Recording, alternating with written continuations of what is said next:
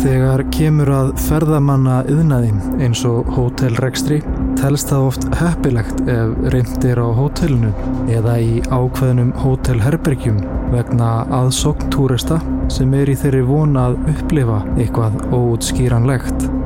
Mörg hótel í heiminum auðlisa sig á þann máta þó er eitt íslenskt hótel sem á sér þannig sögum nema reynd var að halda því lindu og fæstir vildu gista í því herbergi. Góðir hlustundur, ég heiti Fjölnir Gíslason og þið eruð að hlusta á Drauga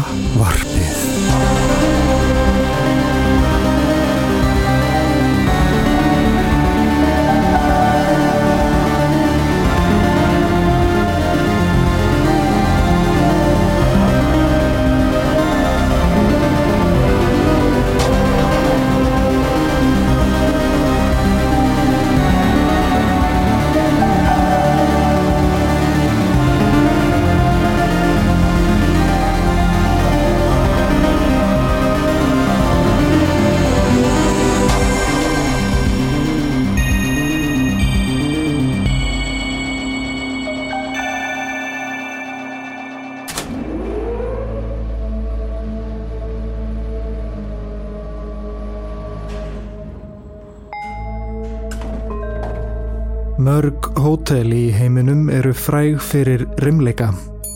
Til dæmis má nefna Golden North Hotel í Segway í Alaska. Er það talið vera einna þekktast fyrir draugagangi í herbergjum 14 og 23.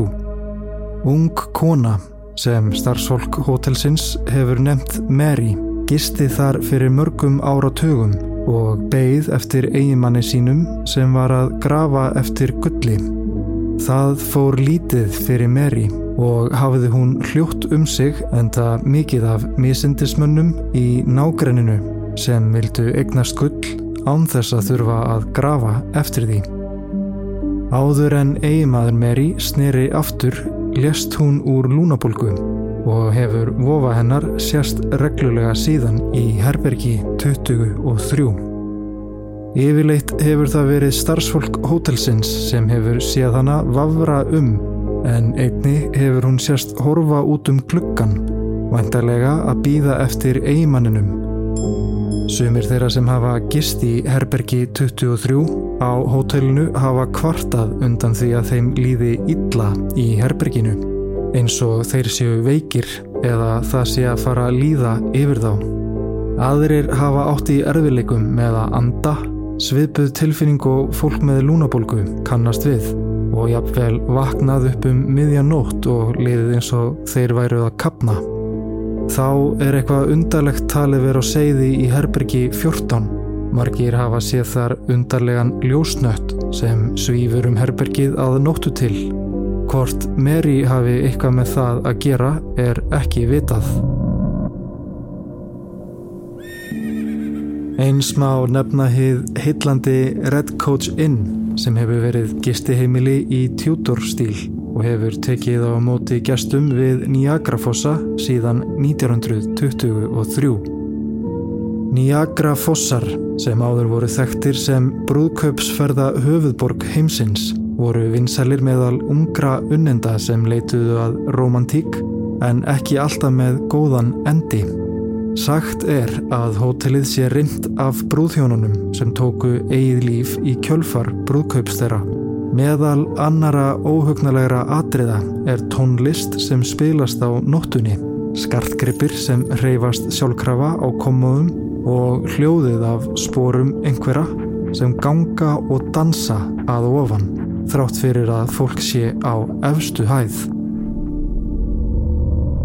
Þegar kemur að erlendum hótelum og erimleikum er nógum að velja en hér á Íslandi ekki eins mörg en þó nokkur. Vel og lengi var talið reynd á hótelunu í Reykjóldi en verðist sem ástandið hafi lagast eftir að prestur var fenginn til að gera húsblessun Eitt Íslenskt hótel virðist þó eiga sér ríka og undarlega sögu. Hótel Borg var byggt af Jóhannesi Jósefsinni árið 1930. Jóhannes hafi getið sér góðs orðspórs Erlendis sem glímukappi og tók meðal annars þátt í alls konar sirkusum og einnig í ólimpíuleikunum árið 1908. Hann snýri heim til Íslands, efnaður maður og ákvað hann að fjárfesta í byggingu Luxus Hotels, þess fyrsta á Íslandi. Af æfisögu hans að dæma var hann drífandi náungi og að sögn rann á hann hamangangur við að fá til liðs við sig stjórnmálamenn svo reysa mætti almennilegt hótel fyrir alþingisháttíðina árið 1930 þegar haldið var upp á þúsund ára ammali alþingis. Það fær þó sjálfnast að fylgja sögunni en í þjóðviljanum stendur að eftir opnun hótelsins rak Jóhannes Indverja út af því með hrottaskap af því honum líkaði ekki þeim og 20 árum síðar rataði það í blöðin vegna skiltis sem hann setti upp í andirnu þar sem stóð að litað fólk væri ekki velkomið. Sigurður Magnússon, lauruglumadur, fór inn á Hótelborg og reif niður skiltið og var eldur þaðan út af Jóhannesi með bissu og einu af mörgum veiðuhundum sínum. Vitandi það er auðvelt að segja að Jóhannes var ekki með hjartað á réttum stað. Hortstein Hotelsins var lagður árið 1928 aðeins átján mánuðum síðar eða í janúar 1930 opnaði Hotelborg veitingastaðsinn og fjórum mánuðum síðar opnaði hótelið sjálft. Eftir opnun hótelsins var Jóhannes yfirleitt kallaður Jóhannes á borg.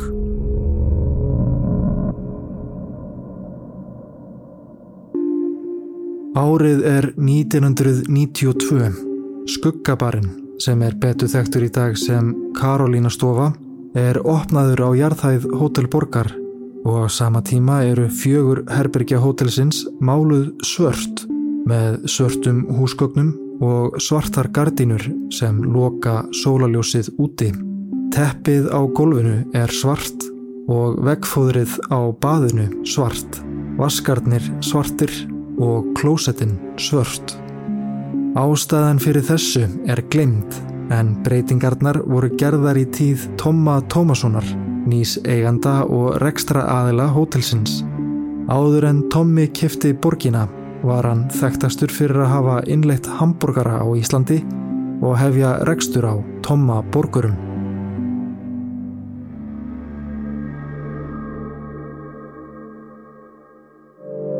Svörtu herbergin fjögur urðu strax afar óvinnsæl.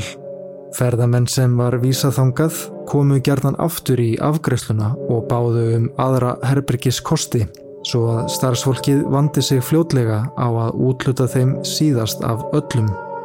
Til að byrja með varð fólk ekki vart við einhvers konar rimleika í neinum herbergjana en ekki leiða lungu þar til að það tóku að berast sögur um einhvers konar óþægindi úr þeim öllum þó sérstaklega í því sem í dag ber númerið 48.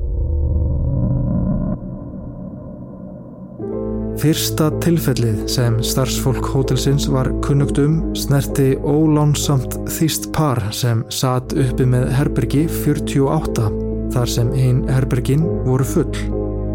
Meðan þau byðu eftir að annað losnaði lístu þau ítrekað yfir óanæju sinni með herbergið og hótuðu því að fara annað. Konan skinjaði slæma nervuru þegar hún var eini herberginu síðdeis fyrsta daginn. Henni fannst vera hort á sig úr einu horni herbergisins og skellt í góm. Auk þess sagði hún að skrúað hefði verið frá krana á baðinu sem konan hefði skömmu áður skrúað fyrir. Á þessum tímapunkti áleitt konan að enþá væri mögulegt að hún væri sjálf að rugglast og sagði ekki frá neinu. Um nóttina vaknaði maðurinn og svipaðist undrandi um í herberginu Vekkir og húsgögn voru gætt einhverjum innri ljóma og í stól út í horni satt maður með gapandi munn og let hryggla í sér. Þjóðvergin kveikti á náttbórslampanum og um leið kvarf maðurinn En þessi stað hrildi nú í konunni í rúmunu við hliðhans. Hún bylti sér órólega og þegar maðurinn vaktana komi ljósa þau höfðu bæði drimt það sama nema að hjá konunni hafði sá í horninu staðið upp, lagst ofan á hana af töluverið þyngd, glent upp kæftin og reynda að gleipa á hennu höfuðið.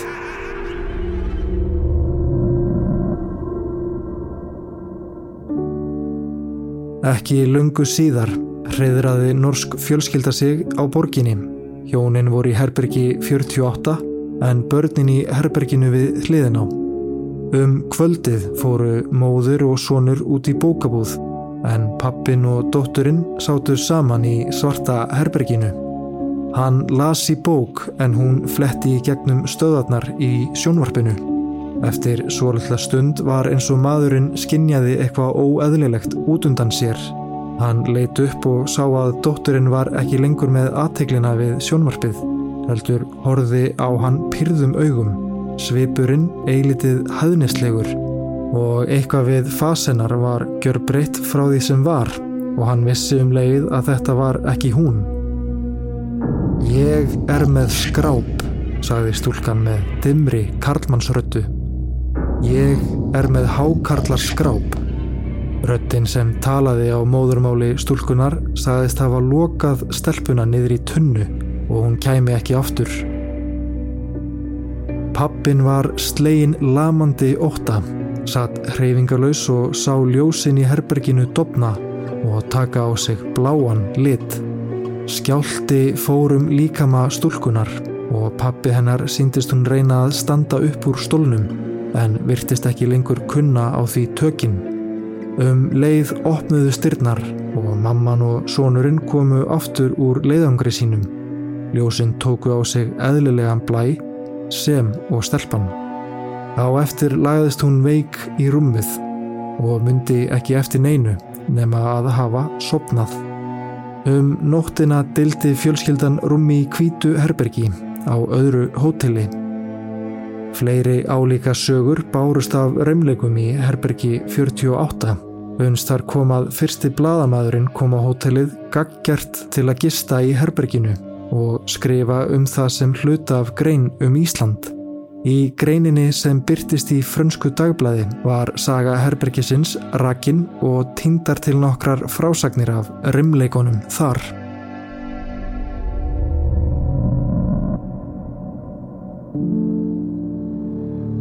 Einn sagan hljóma svo að eftir aðeins tvær nætur í herberginu fannst bladamannunum með sterkri vissu að hann varpaði ekki lengur skugga þó kveikt væri á öllum ljósum. Sama hvernig hann aðtapnaði sig sást engin skuggi og það sem gerði það en skrítnara að því fyldi ekki hræðslu tilfinning heldur djúbstæð deburð og þunglindi. Svo tilfinning leiti mannin að spekli sem hekk á vegg nálagt fataskápnum og baðaði hann út handlegjunum án þess að vita beinlínis af hverju. Hann sagðist hafa setið við speilin alla nóttina og þar til morguns yfir einslags stillimynd af sjálfun sér, andletið föllt líkt og hann væri dáin. Eftir dvöl hans í herberginu virðist sem svo að alla sögur af herberginu séu bundnar speklinum. Einn gæstana hjælti fram að speilmyndin sín hefði orðið eftir í speklinum þegar hann var á leið út úr herberginu. Að morgni og að hún hefði hreifst á annan hátt en hann sjálfur en hætt því eftir um það byl mínútu. Önnur saga kemur frá einni af þernunum hótelsins. Á leið framhjá speiklunum sá hún sjálfan sig en við hliðin á sér starfsistur sína sem á því augnabliki var að þrýfa annar staðar á ganginum. Þessar speilútgáfur þeirra begja hreyfðust og deppluðu augunum þar til speilútgáfan af þeirri fyrrnemdri glendi upp augun, greip fyrir munnin og hljóp í burtu. Skömmu síðar hljóp hinn á eftirinni og skildi speilmyndina eftir auða þar sem hún stóð fyrir framann. Eftir stutta umhugsun lauk hún við að þrýfa herbergið og sagði ekki frá því sem hún hafði séð fyrir en þær höfðu báðar lokið við að þrýfa gangin. Starfsistirinn heimtaði þá að fá að kíkja líka í speilin. Þær fóru saman inn í herbergi 48 og stiltu sér upp fyrir framannan en sáu ekkert sérstakt. Þær hlóu að þessu til að byrja með en svo allt í einu þagna þær. Í speiklunum var sama mynd og svo fyrrnemda hafði séð áður. Næst glendi hún upp augun, greip fyrir munnin, líkt og hún hafði séð sig gera áður og hljóp í burtu. Skömmu síðar hljóp hinn á eftir henni. Þarna höfðu þær nú báðar séð eitthvað sem þær áttu erfitt með að útskýra. Þar til önnur þeirra dætt í hug að mögulega geti þessi speil verið að sína þeim framtíðina. Sagan segir að þær hafi reynd að sannreina þetta með því að halda klukku frammi fyrir speklinum og áttu vísarnir að hafa sínt 48 mínútur fram í tíman. Þótt hótelstjóra hafi á sínum tíma borist ítraleg frásög þörnana tveggja gerði hann ekkert sérstakt í því en að lokum var innrettingunum breytt. Herbergin fjögur máluð upp á nýtt og skipt var um spekla. Síðan þá hafa engar fleiri sögur borist frá herbergi 48.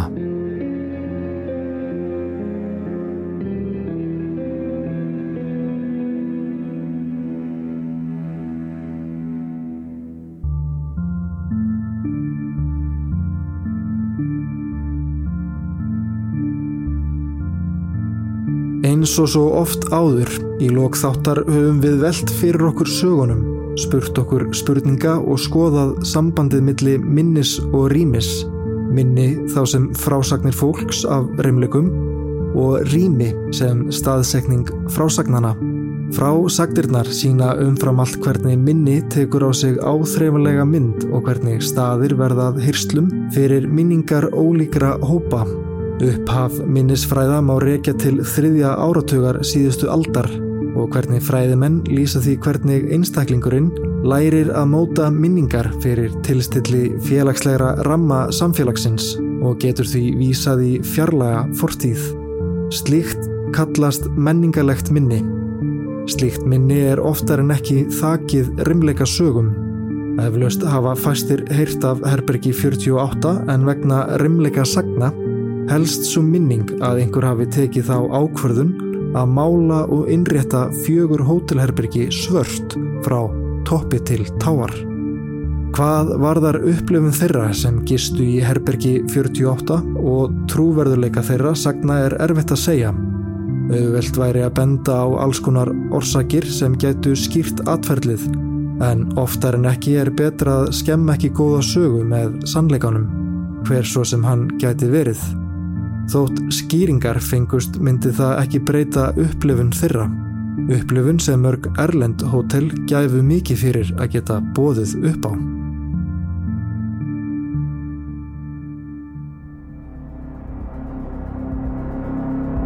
Við gerð þáttarins voru heimildir notaðar úr Remleikar í Reykjavík, menningalegt minni og borgarými eftir Veru Knútsdóttur, Remleikar í Reykjavík eftir Steinar Braga og Morgumblæðið Grein draugagangur á Golden North Hotel 5. september 2010